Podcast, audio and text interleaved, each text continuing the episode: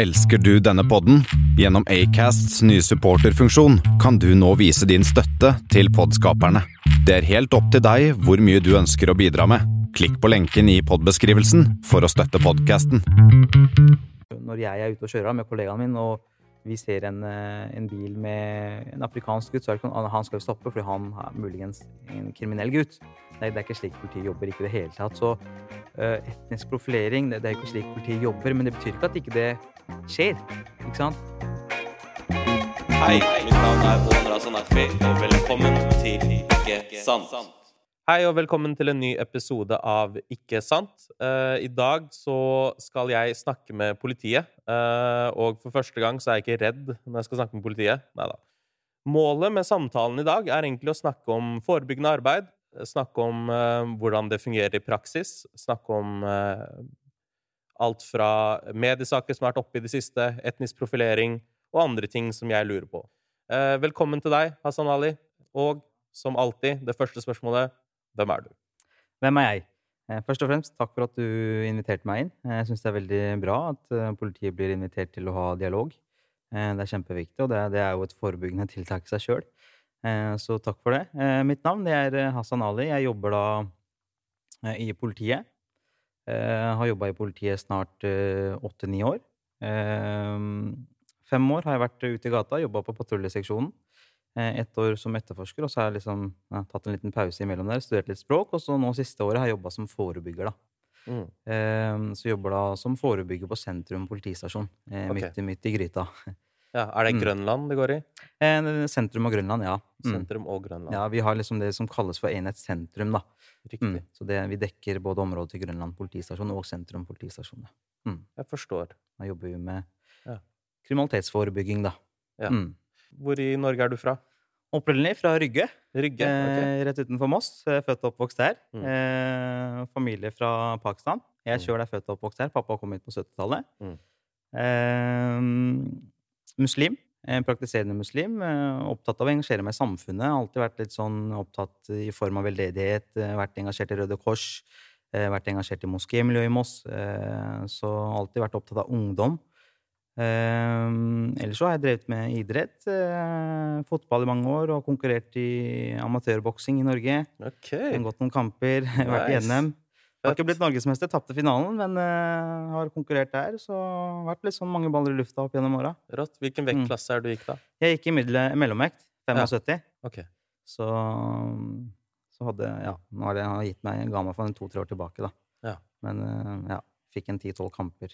Ja. Mm. Så moro, det. Mm. Det jeg har lurt på, er hva betyr det? Hva betyr det å drive med forebyggende arbeid? Det er jo et veldig stort begrep. Det er jo det. Eh, forebyggende på et generelt grunnlag da, eh, betyr jo egentlig bare å, å være føre var. Mm. Ikke sant? Og stoppe eller eliminere egentlig en uønsket atferd og utvikling. Mm. Eh, fra et politiøye med, politiperspektiv, så snakker vi om å egentlig hindre, begrense eller forebygge kriminalitet. Da. Okay. Eh, det er det vi snakker om når vi snakker om forebyggende eh, i mm. politiet. Og så er det ikke slik at forebygging kun skjer når noe kriminelt, kriminelt har skjedd. Det, det, er ikke slik at det må ha skjedd noe kriminelt før man begynner å jobbe forebyggende. Man ønsker gjerne også å jobbe forebyggende slik at det kriminelle aldri skjer. Mm. Og det er der min rolle som forebygger kommer inn. Vi er på skoler, holder foredrag for ungdom, forteller dem om konsekvenser av å gjøre straffbare handlinger. Eh, man er, sitter i møter med, med skole, med barnevern, mm. med, med kommunen, ikke sant? Og, mm. og, jobber forebyggende på den måten. ikke sant? Driver med holdningsskapende arbeid. Og så mm. har du også selvfølgelig det å jobbe forebyggende etter at noe kriminelt har skjedd òg.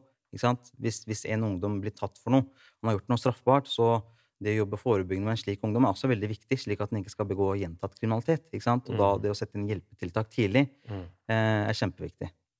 Mm. Føler du at det, det, forebyggende arbeidet som har vært gjort, uh, la oss si, de siste fem årene, da, fra 2016 til nå, uh, går vi i riktig retning?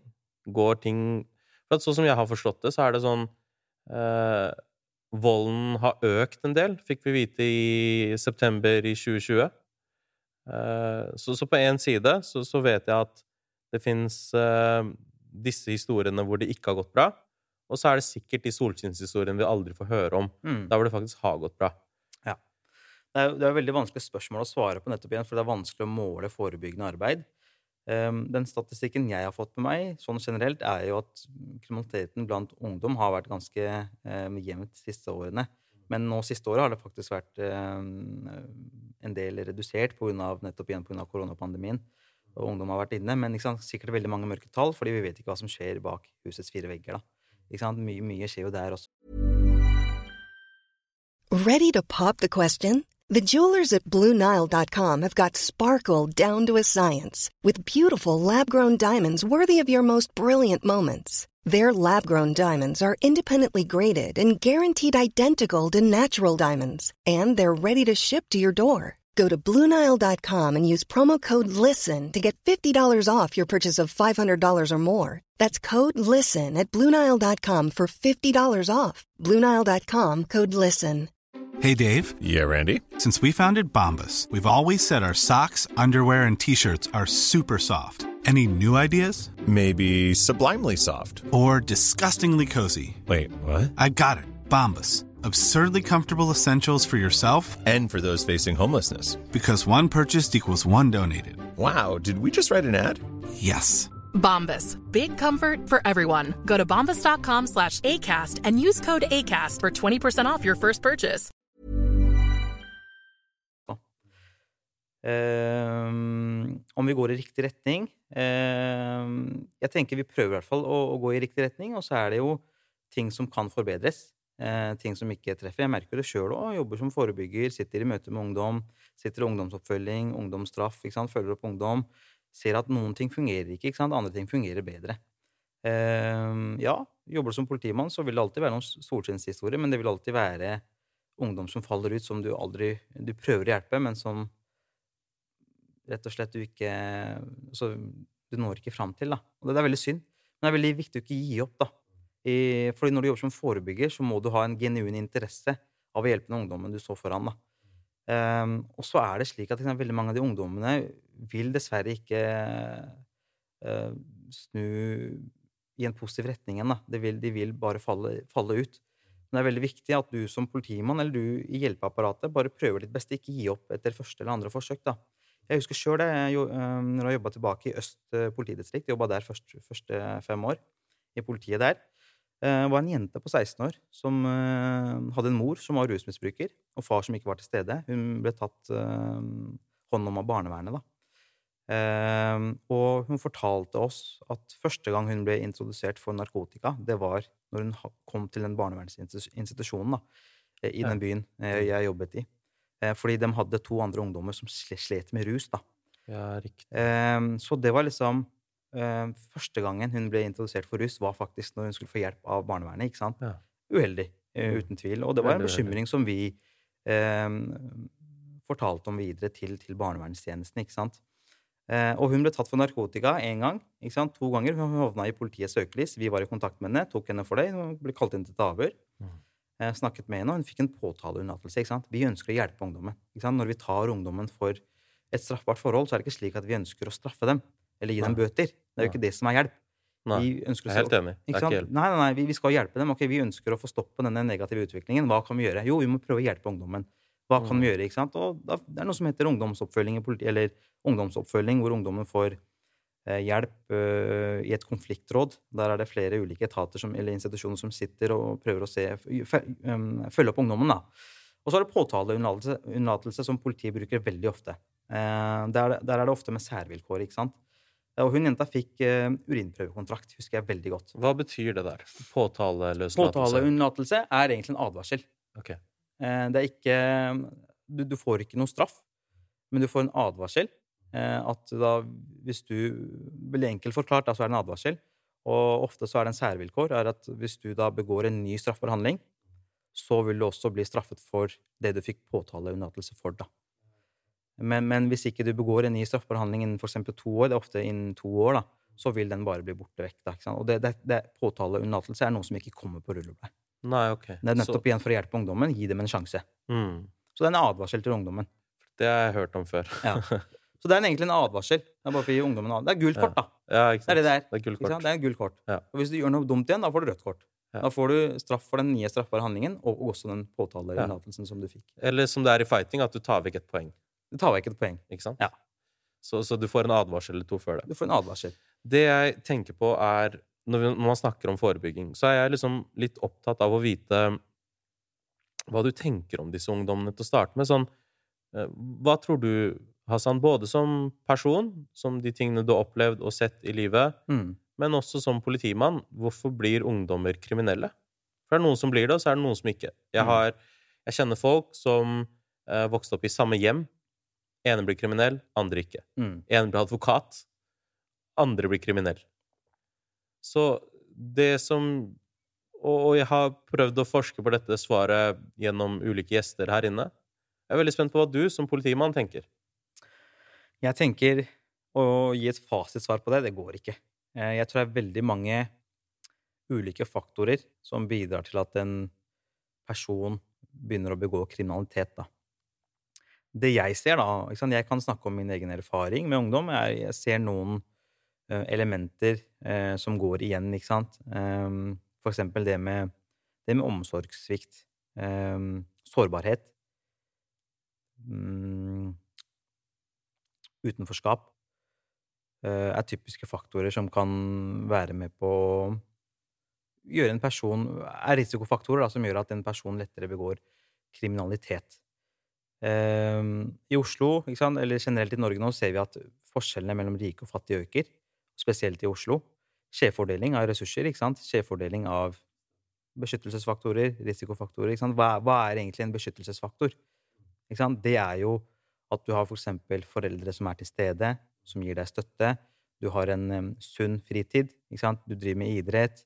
Em, du har eh, en familie med god økonomi, ikke sant? Så så videre. Risikofaktorer kan jo være alt fra dårlig selvtillit, selvbilde, til dårlig økonomi i familien, til et miljø ikke sant? hvor du bor, nabolag, hvor det er et dårlig miljø, osv., osv. da. Så det, det har jo noe med det å gjøre. Vi ser jo det. Vi har en sosialt del by. Det har noe med liksom, Vi snakker ofte om etnisitet. Ehm, og det at du er en norsk-pakistaner, eller at du er en norsk-polsk gutt eh, Etnisitet i seg sjøl eh, er ikke årsaken til at noen begår kriminalitet eller blir, blir kriminelle. Det tror jeg er veldig viktig å forstå. Eh, det at du er en gutt, eh, gjør ikke at du automatisk blir en kriminell. Det at du er en tenåring, det at du er en eh, ja, norsk-pakistaner. Det, det gjør ikke at du automatisk begynner å begå kriminalitet. Det er ikke en årsak. Ikke i det hele tatt. Nei. Det er andre faktorer. Da, er det, da må vi se på sosioøkonomiske årsaker. Man må se på Mm. sårbarhet, man må se på omsorgssvikt. Det er flere ting, da. Mm. Og de spiller inn sammen. Klart det gjør. Jeg, er helt enig. Eh, og det er en av de tingene jeg pleier å si til ungdom rundt omkring, er eh, at folk blir som de blir på grunn av de tingene de opplever. Mm. Eh, og at hvis, hvis, hvis dere som sitter her nå, og la oss si at det er en etnisk norsk eh, klasse uten noen innvandrere der eh, Så hvis dere er individer, så er jeg også individ. Mm. Og jeg tar mine valg Mm. basert på de tingene jeg opplever. Mm. Hvis jeg går og slår ned noen på gata etterpå, Mm. så er det ikke fordi at foreldrene mine var født på andre siden av verden. Nei. Det er på, på grunn av de tingene jeg opplevde her. Ehm, så jeg er ganske enig med deg om at, om at det er, liksom, om at det er disse, disse store på en måte, eh, sjangerne, temaene, som du nevnte akkurat, Mm. som er grunnen til det. Mm. Omsorgsfikk, utenforskap. Men samtidig så legger jeg også merke til at man bruker jo ofte etnisitet da, til å forklare hvem den kriminelle er. det, det vil alltid være krefter der ute som ønsker å politisere, da. Eh, som ønsker å skape en, eh, et bilde eh, Også det å på en måte skape et eh, farlig image av, av enkelte grupper. Det, det å liksom snakke om noen bestemte etniske grupper eh, på en nedlatende måte? Det, det, det har blitt en sånn Mm. det er noe som skjer i samfunnet, dessverre. Vi så jo nå under pandemien nå, det å bruke for ord som innvandrersmitten. Hva er det for noe? Hva det for noe? Hva, hva gjør det med ungdommen? Som, ja, men hva gjør det med ungdommen, da? 15 år eh, gamle Hassan, da? Ja. Som sitter på skolebenken og leser om dette her. At, at noen står og forsvarer det. Mm. Og, og ungdom da som hele tiden skal få en påminnelse da, om at de, de er ikke en del av det samfunnet, norske samfunnet. Mm. De, de er ikke en del av av det å være norsk Mm. Norge. Mm.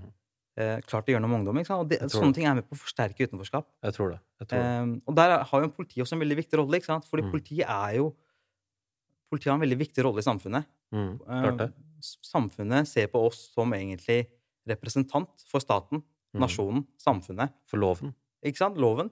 Og hvis vi også da er med på å forsterke den der utenforskap hos ungdommen Mm. ved å f.eks.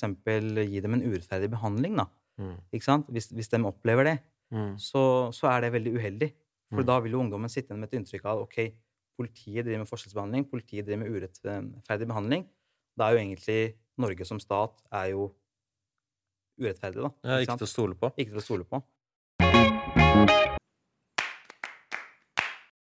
Blir jeg oftere stoppa som en mørk mann i en BMW eller en ny Tesla Mm. enn om jeg er etnisk norsk? Ja.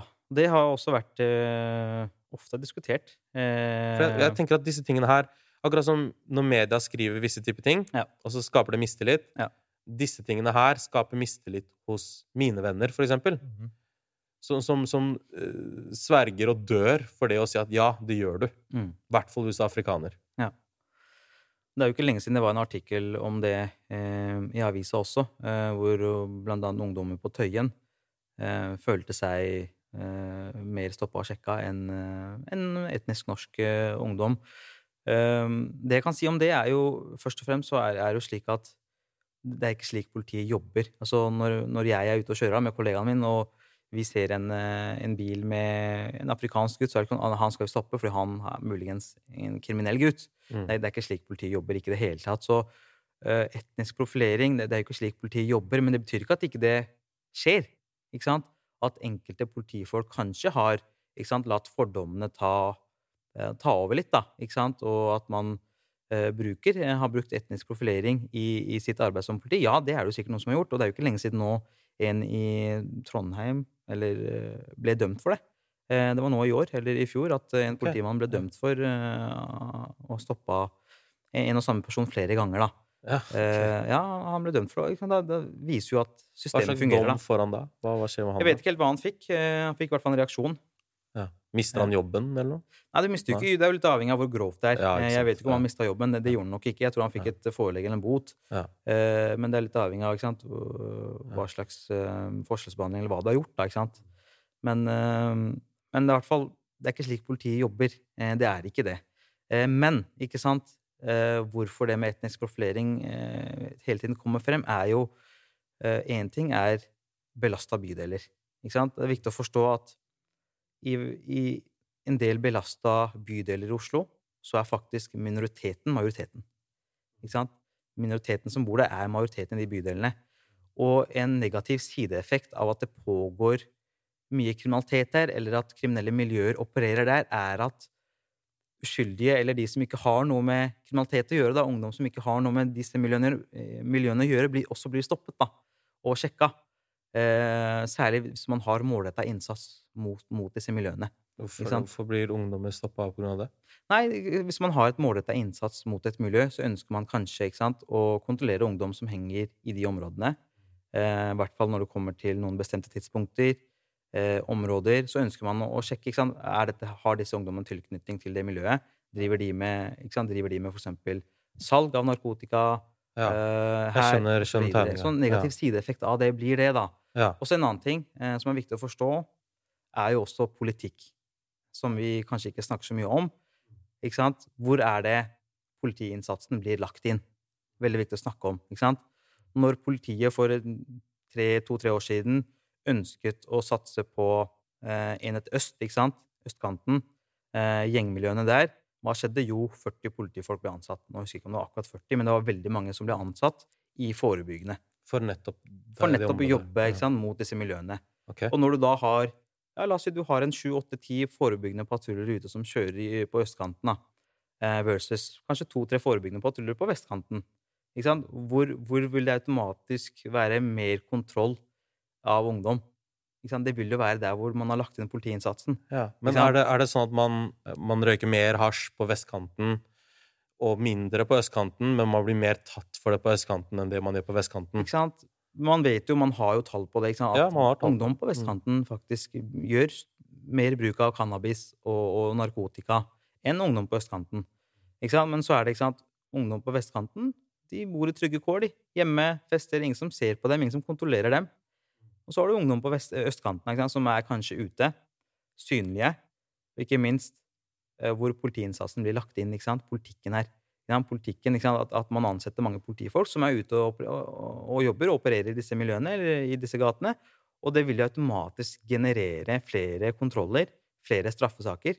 ikke sant? Hadde man hatt like mange biler på vestkanten, og de også hadde et målretta innsats mot ungdom, så hadde man jo automatisk generert flere straffesaker der òg. Så dette har jo noe med politikk også å gjøre, da. Ja, riktig. Mm. Veldig mye er jo sentrert rundt dop, da. Veldig mye er sentrert rundt narkotika. Det er det, dessverre. Tror du Eh, noen gang at vi kommer til å få et samfunn hvor folk ikke røyker hasj? Nei, jeg, jeg, slik jeg ser utviklinga, så tror jeg det blir litt mer motsatt. At eh, folk i større grad vil sånn akseptere ut. bruk av eh, cannabis. da.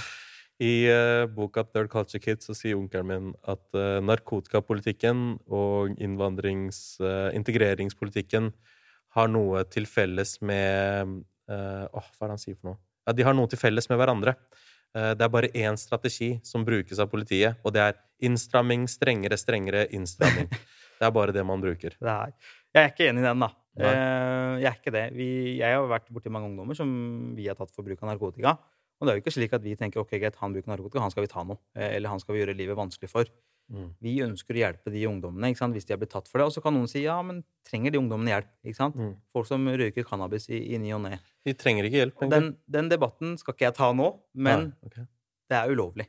Ikke sant? Ja. Og det er det Eh, ståstedet du må ta som politimann. Som politimann så forholder man seg til det lovverket som er. ikke sant? Mm.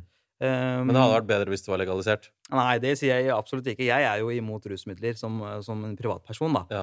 Og som muslim, antageligvis. Ja, som en eh, troende muslim så Mm. tar jeg både avstand fra alkohol og, og rusmidler. Jeg, jeg tenker det er ikke bra uansett. Men man burde ikke gjøre alkohol ulovlig.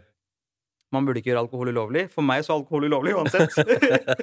og, og ta den debatten om å gjøre alkohol ulovlig, da tror jeg Da, da kan da, du det er bare at Jeg har alltid hatt det ståstedet, og jeg vet at du ikke vil gå så dypt inn på det, så jeg kan Nei, nei. bare si det jeg tenker Ja, om det. Um, Jeg- og jeg mener at OK, så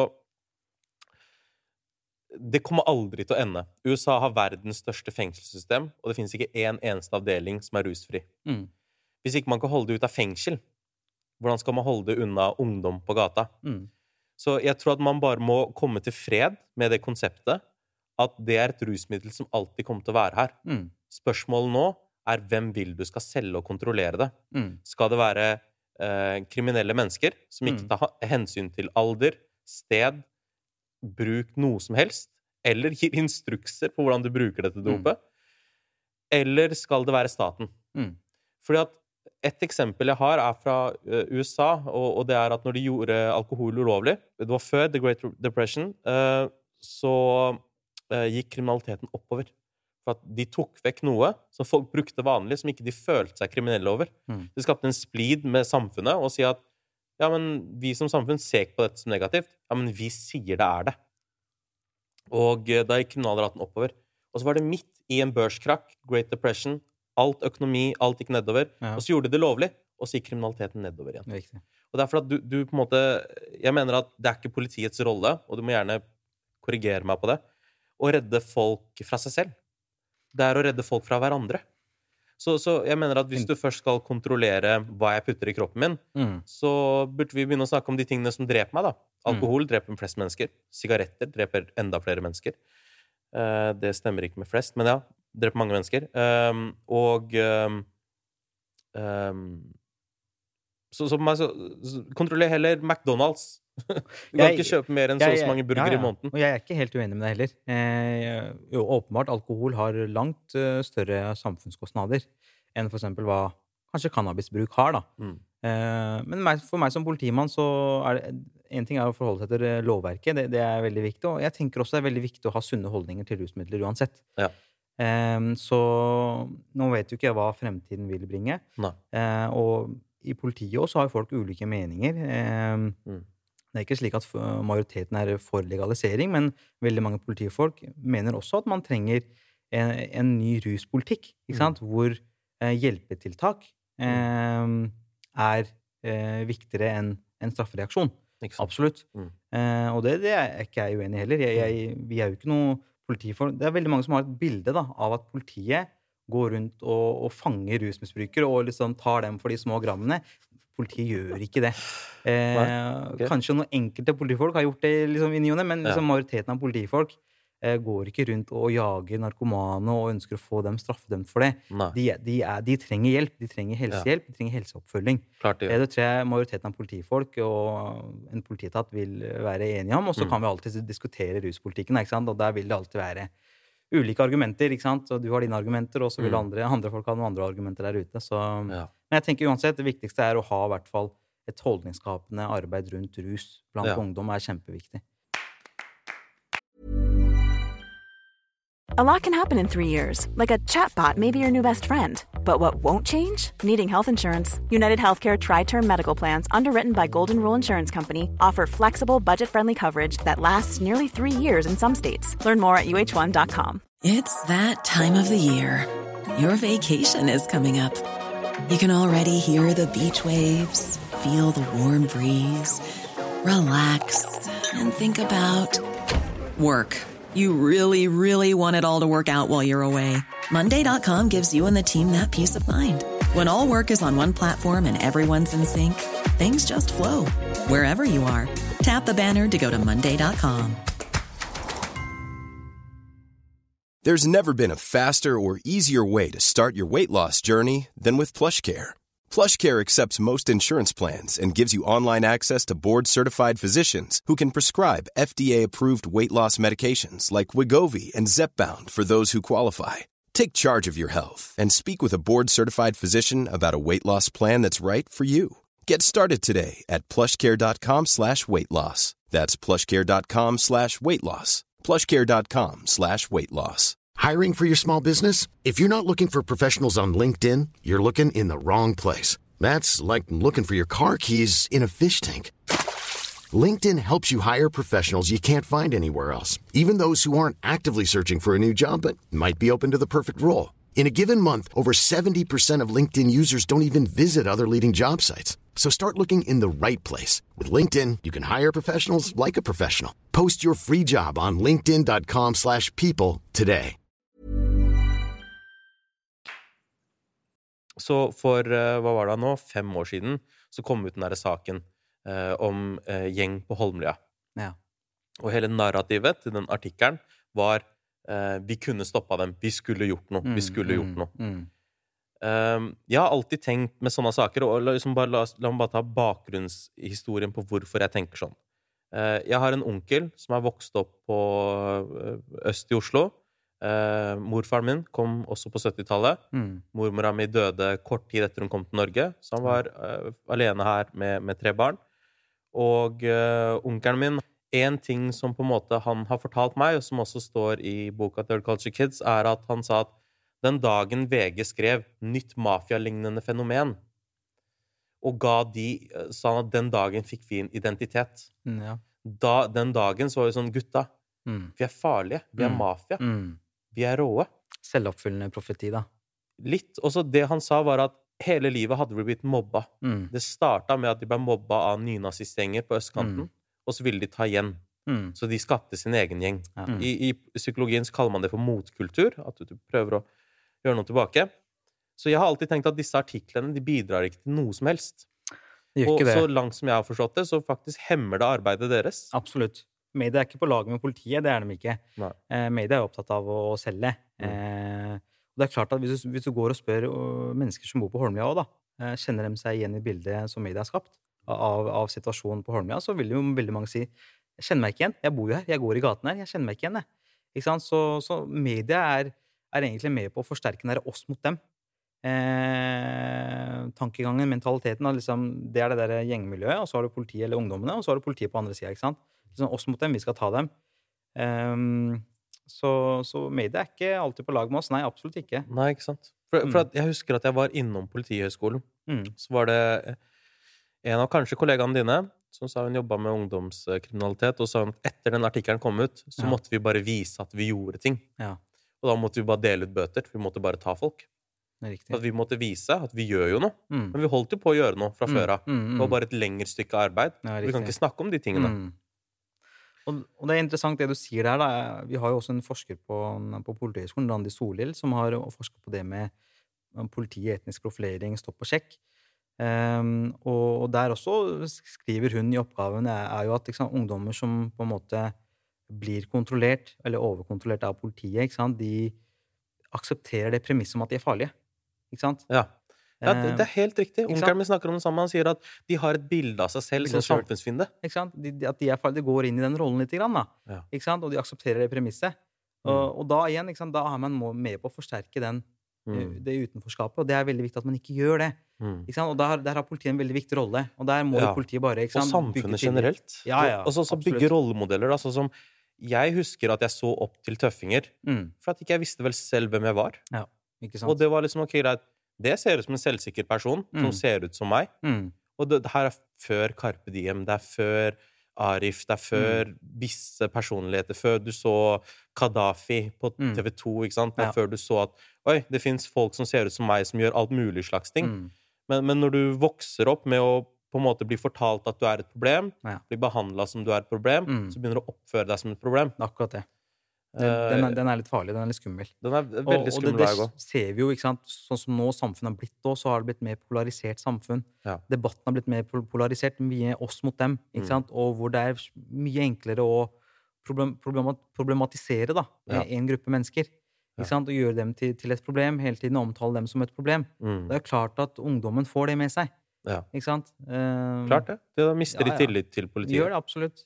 Ikke bare politiet, men nå tenker jeg sånn samfunnet generelt òg. Autoritetspersoner, Autoritetspersoner generelt, ja. generelt, tror jeg. Absolutt, absolutt. Jeg tror det går utover med skole også, så, så, så. Mm. Og der har jo politiet en mm. viktig nøkkelrolle. Det å liksom gå i dialog med ungdommen. Mm. Og når man også i kontrollsituasjoner ikke sant? Viktig at politiet forklarer det de gjør. Mm. Hvorfor gjør vi det vi gjør? Begrunner, slik mm. at man skaper en form for aksept, legitimitet i det vi gjør. da. Hva, hva, tenker du om den der kvitteringsordningen? Eh, både òg. Jeg vet ikke. Altså det, er eh, Det vil jo skape kanskje merarbeid for politiet, men samtidig er det jo en form for uh, Ja, en, en, sikkerhet eller en Ja. Jeg tror det er sånn Jeg har sjøl stoppa en del ungdommer. kjørt bil. Fin tilnærming. Og så tar jeg navn på ungdommene, og da er de sånn Blir dette registrert, ikke sant? Jeg bare, ja, vi pleier å opprette en logg på det, skriver jeg, ikke sant, når vi har kontrollert biler. Og så vil de litt sånn Noen ungdom er sånn Nei, vet du hva, jeg, jeg vil ikke at du skal loggføre det, for jeg vil ikke være registrert i noen politiets system. Ja, for de vet ikke hva det innebærer. Det de vet ikke hva det innebærer, ikke sant? Ja, ja. Og det er klart at eh, en sånn loggføring innebærer ikke noe som helst uh, farlig for dem. Det vil ikke gi noen som helst form for uh, Det vil ikke påvirke dem, da, deres fremtid noen, på noen som helst måte. Det er bare en vanlig loggføring, at politiet er kontrollert, uh, og navnet deres ligger, ligger der inne. Ehm, men de er sånn veldig usikre på det. Da må man prøve å forklare dem det. Ehm, men samtidig er det litt sånn Nei, vet du hva, jeg vil ikke. Bare, bare, jeg, ønsker ikke ønsker ikke, at du skal loggføre meg da, eller ta navnet mitt. Og da er det litt sånn Det fins også uh, begge sider av, av, saken. Noen Mens andre vil kanskje at vi skal loggføre, ikke sant. Um, så kvitteringsordningen, ja, hvis det kommer, så det, det er ikke et problem for politiet, det. Absolutt Nei. ikke. Men uh, det vil jo skape litt mer merarbeid òg. Ja. Det vil kanskje gjøre at en person som vi kontrollerer, da, at vi må holde han igjen litt mm. lenger. da, Fordi vi må faktisk ja. lovføre tiltak. ikke sant? Kan det gå utover ressurser? Er det det det går i? For jeg føler ofte at det er en sånn eh, gjenganger om at um, vi har ikke ressurser til å gjøre alle de tingene vi vil gjøre. Nei, hvis man vurderer det dit hen at det, dette er en viktig rettssikkerhet da, eh, for, for personen, ikke sant? Eh, at uh, vedkommende faktisk uh, dette blir loggført av politisk kontroll, og ja. man har muligheten til å etterkontrollere det. Ja. Eh, eh, og sende en klage òg, for den saks skyld. Ja, så er er, det vel, mm. er, jo det kanskje Rettssikkerheten må jo komme foran politiets ressurser. Man kan, man, kan, ikke bruke det som et argument. Tror du, eh, basert på mange år i politiet, Politihøgskolen, egne erfaringer fra politiet i oppveksten, fins det et holdningsproblem i norsk politi når det kommer til eh, innvandrere eller minoriteter? Jeg føler at det ikke gjør det. Eh, men det jeg føler, er at man trenger å øke den, det man kaller for kultursensitivitet. Da. Ja. Det å øke kulturell kompetanse hos politiet, mm. det trenger man absolutt. Mm. Jeg husker sjøl, jeg skrev en artikkel om det òg for noen år siden. Når jeg sjøl begynte å jobbe i Oslo politidistrikt for en to, snart tre år tilbake, som en praktiserende muslim kommer inn ikke sant? Eh, i en seksjon hvor det ikke var noen med minoritetsbakgrunn. Eh, Det er sjukt at det ikke var noen med det i Oslo, av alle steder. jo, jo, folk, det er jo folk med minoritetsbakgrunn i Oslo, men Mm. akkurat i den seksjonen jeg jobba, eh, Mm. og det avsnittet jeg jobba i, var det ikke det. ikke sant? Og det var veldig få av det i hele seksjonen nå. Vi var ikke veldig mange. Ehm, og, og da ikke sant? Jeg kom jo inn som en ny pust, men en sånn litt sånn ehm, Litt annerledes, ikke sant? Ikke eh, som majoriteten. Ikke sant? En, en minoritet. Eh, som lever på en annen måte, ikke sant? har noen andre verdier som er viktige. Eh, og jeg fikk jo, ikke sant? Folk var veldig nysgjerrig. Eh, jeg merka det på kollegaene mine, men på en veldig positiv måte. Ikke sånn der fiendtlig eller negativ måte, men mer sånn nysgjerrig. Jeg ønsker å lære mer. ikke sant? Liksom, Hassan, hvordan er det sånn, og hvordan er det med fasting? ikke sant? Hvordan er det når du kommer til religion? Du spiser ikke det, du spiser det, du drikker, ikke- drikker ikke alkohol. liksom. Folk er nysgjerrige, ønsker å få den der kompetansen. Og det tror jeg er kjempeviktig i politiet. Det, det føler jeg at mangler litt. da. At det å ha en sånn der kulturell Mm. kompetanse er kjempeviktig i møte med et mangfoldig Norge. da. Åpenbart at det ikke Hvis de hadde mange spørsmål, at, at at du begynte å jobbe der, at det var mangelvare. Det er en mangelvare. Det er Obviously. det. Ja, det merker jeg, og det, tror jeg, det ser jeg nå også at politiet jobber med. Ja. Eh, bare nå i Oslo så har de eh, satt i gang et, eh, et kurs da, for alle politioperative mannskaper, noe som heter Rettferdig politi. Eh, og det handler jo rett og slett om det med fordommer. Eh, om hvordan politiet eh, kan tilnærme seg, ha en god tilnærming til minoritetsungdom. Mm. Hvilke faktorer som gjør at ungdom faller ut. Ja. Eh, så, og litt sånn er med på å bygge deres kulturelle kompetanse, bygge ned fordommer. Mm. Så, så, og det, det er bra ikke sant, at politiet nå jobber med disse tingene. Det tror jeg er kjempeviktig. Ja. For at jeg, jeg tror jo at eh, de jobber med det fordi at det er et problem. Jeg tror ikke de hadde satt på alle disse tingene Mm. hvis ikke det var et, et tydelig problem der. Mm. Hvis ikke, hvorfor bruke penger på det? Ja, ja, absolutt. De, de ser jo at det er noe De som ser, mangler. de ser jo behovet for det. Ja, absolutt. Det er bare at jeg tror at veldig mange, akkurat som med barnevernet da, ikke sant? Innvandrere ofte veldig redde for barnevernet. Mm. Ja. For at de har hørt noen enkelthistorier her og der. Absolutt. Og jeg tror at det vi snakker om nå i 2021, når du Mm. begynte å jobbe her i 2018, var det ikke Mm, sant? To-tre år stemmer. siden, så er det sånn Når jeg tenker på mine, min kjære onkel som var veldig aktiv på 90-tallet, liksom, og til Mm. 2000-tallet, Mm. da var det i hvert fall ikke der. Eh, og han mener jo blant annet at etter Eirik Jensen så, så ble det hardere dialog med kriminelle, for at de følte at kanskje han var for myk. Litt Mm. for myk, Mm, mm, mm. tydeligvis. Ja. Jeg, jeg vil ikke være helt uenig med han om det. Nei, okay. jeg, jeg tror generelt den nye generasjonen av politifolk som kommer nå, Mm. eh, er folk med ofte veldig gode holdninger. Ja. Eh, veldig åpne for Mm. mangfold. Veldig åpne for at folk kan være annerledes. Mm. Eh, og eh, som møter, er opptatt av å møte mennesker med respekt. Da. Mm. Og det er noe vi er lovpålagt. Det står i politiinstruksen. Mm. At, eh, at når vi skal møte mennesker, det skal møtes med respekt og menneskeverd. For at, uh, en annen side av den sammenhengen ok, Så onkelen min, han er nå 15 år ish. Mm. ok? Og så bor han på Ellingsrudåsen. Og der sånn, så er det en gjeng som heter Karjagens krigere, og de har sin egen gjeng. Ok. Som de skal liksom slåss tilbake med. Og så bestemmer NRK seg for å lage en liten sending basert på denne konflikten. Ok. Og det programmet het Antenne 10.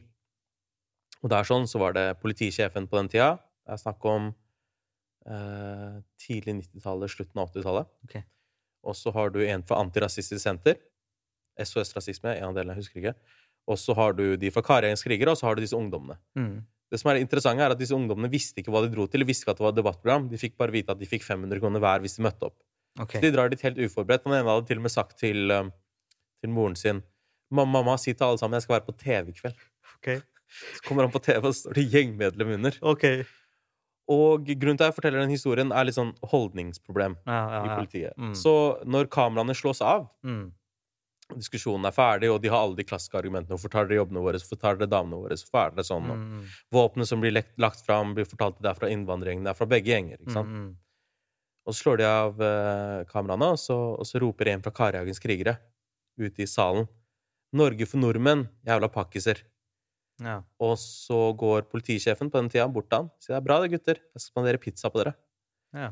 Dokumentert. Hvordan? Det er en Arbeiderpartipolitiker som tok med disse ungdommene på, eh, på Stortinget for å spise pizza. For han syntes det var så urettferdig at dette skjedde. Så han ville ta med de på pizza, Mm. mens politisjefen skulle ta med disse andre. Mm. Jeg mener kanskje at det er bra at man jobber med disse tingene, men akkurat som med rasisme, akkurat som i norsk media, som jeg tilhører, Mm. og jeg er jo ikke en del av problemet, akkurat som du antageligvis ikke er en del av problemet, Mm. så tror jeg det er en holdningsendring, og den holdningen stammer fra langt før min og din tid. Altså, Ja. Ja, ja, det ja, sånn, fullt mulig, det er sånn de tingene vi prøver å Mm. jobbe mot. Mm. Fordi jeg er ganske sikker på at jeg og du jobber mot det samme, bare at jeg jobber med tekst, og du Mm. jobber med, med politiskilt, og, og, og også tekst, og, og snakke med mennesker osv. Mm. Jeg tror at de stammer tilbake ganske langt bak i tid. Mm. Og derfor er jeg veldig glad for at du er her, for da får man hørt stemmen til en eh, politibetjent som man aldri får høre ellers. Nei. Ikke sant? Jeg tror det er veldig viktig, jeg tror det er veldig viktig å se ting fra flere perspektiv. ikke sant? Se ting fra ungdommens perspektiv, se ting fra medias perspektiv, se ting fra sånn som du, ikke sant? ditt perspektiv, din brors perspektiv, og ikke minst fra politiets perspektiv. da. Um, og man vil alltid være, ha, være uenig eh, Mm. og- i en del ting, og så må man prøve å se ok, greit, hva er det vi er egentlig enige om, Mm. så kanskje prøve å forenes om det, og jobbe sammen Mm. eh, mot det. da. Mm. Så, så jeg syns det er veldig interessant å høre hva andre har å si. Og jeg syns også politiet generelt eh, bør også ha litt mer forskning rundt dette her. Mm. Det med ungdomskriminalitet, det med minoritetsungdom, det med utenforskap. At vi bør Mm. ha mer um, forskning rundt det. Hva er det som gjør at ungdommer faller ut? ikke sant? Hvilken faktor er det Og som gjør at gutter mest av alt. Ja, gutter mest av alt. Dessverre. Det er det. Dessverre. det, er det. Så Så du har innvandrerjenter som er på toppen av akademia i Norge. absolutt. Og så har du innvandrergutten som kanskje er på bunnen. Mm. Jeg, jeg vet ikke om de er på Ja, bunnen eller ikke, men jeg kan- tror no, ganske, Ganske langt nede. ganske riktig. langt nede. Mm. Eh, Og, og jeg vet ikke hvorfor det er sånn. Kanskje det er negativ sosial kontroll. du vet. Alle ble hjemme og leste, alle Ja. jentene. Og Mm. guttene var ute og herja. Ja. Kanskje det er det det går i. Mm. Det er nok veldig sammensatt årsak, det vil jeg tro, men det, det er også noe jeg har uh, bitt meg merke i. ikke sant? Mm. Eh, som du sier, vi har eh, sånn som norsk-pakistanske jenter eh, tar høyere utdanning, Mm. mer enn hva etniske norske jenter gjør i gjennomsnittet. Mm. Men så har du minoritetsungdom som da Mm. eh, Er det vanskelig å være um, norsk-pakistansk politimann på østkanten i Oslo? Du, jeg jobber, burde jobber i sentrum, da. Men ja, eh, sentrum, ja. sentrum, ja. Sentrum, ja. Sorry. Jeg sier at det er både fordeler og ulemper. Ja. Er det noen som blir sure på deg? Og er sånn der, Hei, du er jo en av oss. Jeg har hørt den kommentaren der. Ja, du har det. den. Jeg, ikke? Du er en av oss, hvorfor gjør du dette her? ikke sant? Ja. Hvorfor, hvorfor liksom driver du og Hvorfor arresterer du meg? Ja, Bro, ikke sant? å snakke til deg på urdu Ja, og sånn. Ja. er du, støtter du de hvite, liksom? Eller Ja. støtter du de, de andre? Ja. Jeg gjør jobben min, jeg, som politimann. Eh, Mm. og det er klart at jeg prøver alltid, og det gjør alltid kollegaene mine òg, vi prøver å møte alle mennesker med respekt. Mm. Ofte så er det slik at eh, når ungdommen kommer med slike utsagn, så er det, sant, det, det er ungdommen i seg sjøl som kanskje har, har sine utfordringer. Mm. Jeg tror også det er veldig viktig å forstå eh, Det var en tid jeg kunne bli provosert av det. Mm. Men nå er det litt sånn når noen ungdom sier noe og så Hvis noen bare sier det for å provosere, han vet hva han sier, så er det ok, greit. Da syns jeg det er viktig å si fra til ham. Mm. Men så har disse sårbare ungdommene da, som Mm. ikke har noen andre kort å spille på. De, de vet ikke hva, hva kan de si. liksom. Det eneste de har, er kanskje bruke kanskje rasismekortet eller si noe stygt til politiet. Det er liksom det eneste de har da, Mm. eh, som eh, et forsvarskort. da. Mm. Eh, så jeg tenker det er viktig å prøve å se ungdommen bak dette her òg? Det er ikke Mm. Ja. Ofte så er det egentlig veldig synd på veldig mange av disse ungdommene. De har sine utfordringer, de har sine er kamper. regel. Ja. Eh, og det at de sier noe til deg som politimann altså, Man skal ikke la seg bli provosert av det, da. Ja. Eh, og så er det andre ting som man ikke selvfølgelig kan la gå. Mm. Men eh, jeg syns det er viktig å ha med det menneskelige perspektivet i, i Mm. jobben som politi, og i jobben som det å Mm. jobbe med mennesker i det hele tatt. da. Jeg må bare legge til én ting før vi Ja. avslutter dette. her. også, Vi har snakka mye om ungdomskriminalitet Ja. øh, og ungdom. Men det er viktig å forstå også at 97-98% av ungdommen i Oslo Mm. har ikke gjort noen straffbare handlinger. De er lovlydige. Mm. Så det vi egentlig sitter og snakker om nå, er jo den ene eller to prosenten. da. Mm. Det er bare at den tar så mye plass. Den tar mye plass. Den Den tar, tar mye plass. de to-tre prosentene brukes til å forklare hvem jeg er. Ja. Altså Hvis du ser på SSB-statistikk, Mm. eh, hva er da? Én av tre nordmenn eh, tenker at innvandrere i samfunnet er en kilde til utrygghet. Mm. Det finnes også sånne eh, statistikker på politiet. Der Den eneste jeg fant, var eh, distrikt sør, og da var det 9% av politiet som tenkte det. Mm. Eh, og en tredjedel eh, syntes at eh, innvandrere var litt for sensitive. At, at man, man ser jo tydelig at, at det er noen holdningsproblemer. Det tar mye plass. Jeg er helt enig. og, tar og sånn er det. Men, Mm. men jeg har alltid vært sånn at ok, greit. Så ideen av at det finnes en journalist, det er jeg ikke sur på. Men, men hva som det bidrar til, journalister i vår tid, Mm. det er en annen diskusjon. Mm. Jeg er ikke noe sur på religion, Mm. men noen religiøse personligheter, det er en annen sak. For det er en Mm. forskjell på religion og religiøse. Mm. På samme måte så er det eh, Jeg tror at folk har fått et fiendtlig holdning til ideen av at politi finnes. Ikke sant? Mm. Ja, ikke sant? Du, du er jo glad for at politiet er der Mm. når du ikke er der, og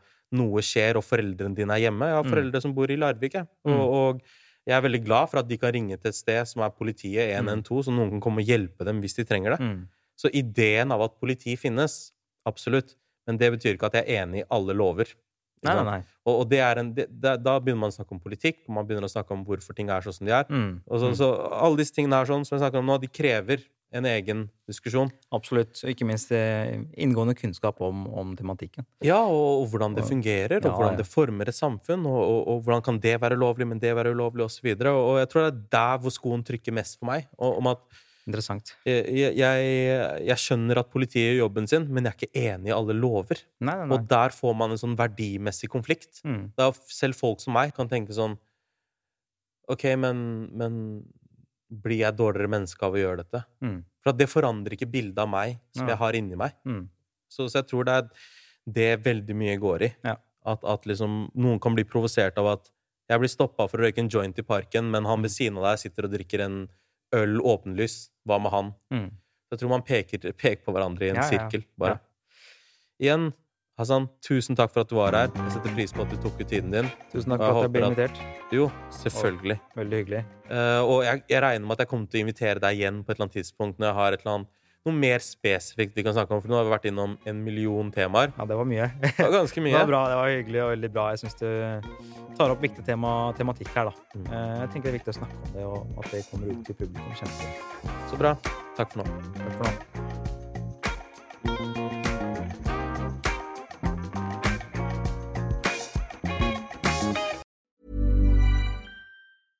Hey, it's Paige DeSorbo from Giggly Squad. High quality fashion without the price tag. Say hello to Quince. I'm snagging high-end essentials like cozy cashmere sweaters, sleek leather jackets, fine jewelry, and so much more. With Quince being 50 to 80% less than similar brands. And they partner with factories that prioritize safe, ethical, and responsible manufacturing. I love that. Luxury quality within reach. Go to quince.com slash style to get free shipping and 365 day returns on your next order. Quince.com slash style. Ever catch yourself eating the same flavorless dinner three days in a row? Dreaming of something better? Well, HelloFresh is your guilt-free dream come true, baby. It's me, Kiki Palmer. Let's wake up those taste buds with hot, juicy pecan-crusted chicken or garlic butter shrimp scampi. Mm. Hello Fresh. Stop dreaming of all the delicious possibilities and dig in at HelloFresh.com. Let's get this dinner party started.